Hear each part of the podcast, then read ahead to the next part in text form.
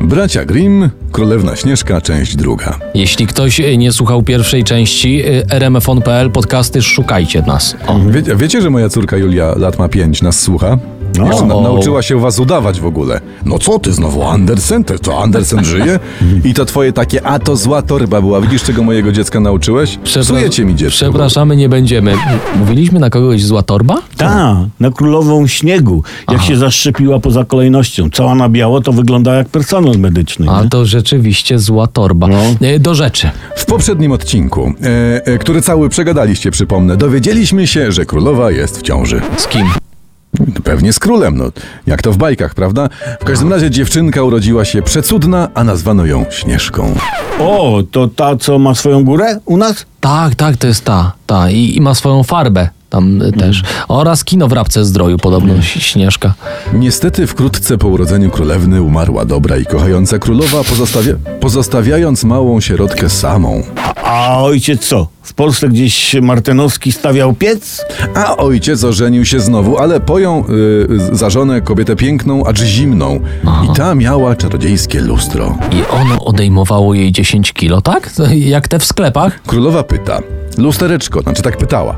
Lustereczko, powiedz przecie, kto jest najpiękniejszy w świecie, a lustro jej jechało. Od oblicza twego nie ma w świecie piękniejszego. No, a mu, mówiło tak, bo się bało, że zimna królowa je rozbije, nie?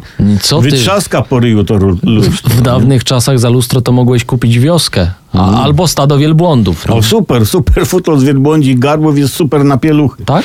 No, trzyma wodę, nic ci nie przecieknie. Dobra, dobra, co z lustrem? Co, z ze, lustrem? śnie- co, co ze śnieżką? A, co ze śnieżką, właśnie, co No. z tą farbą? Śnieżka urosła, wypiękniała, biust jej się sypnął, polisie się zarumieniły, no cacana się zrobiła dziewczyna okropnie. No i pyta królowa, lustereczko, powiedz przecie, kto jest najpiękniejszy w świecie, a lustro jej, że Śnieżka.